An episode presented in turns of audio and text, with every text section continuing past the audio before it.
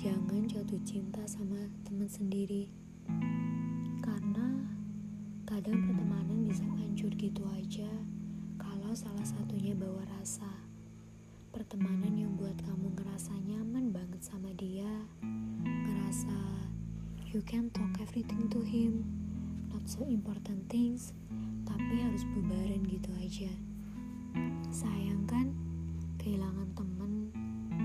sekaligus kehilangan rasa cinta. Kehilangan orang yang sangat-sangat sefrekuensi sejalan dan sepemikiran sama kamu itu menyakitkan loh. Sama sakitnya seperti cinta yang bertepuk sebelah tangan. Ketika biasanya kamu bisa duduk tanpa canggung bisa natap matanya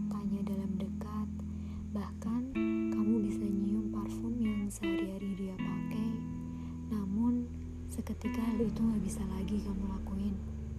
Semacam dibangun benteng tinggi gitu dan kokoh di antara kalian. Dan kamu hanya bisa melihat dia dari celah kecil dan harus memejamkan satu mata untuk sekedar lihat hari ini gaya rambut dia gimana ya? Gak enak kan? Gak siap kan kalau harus kehilangan gak siap juga kalau harus merelakan cinta kan?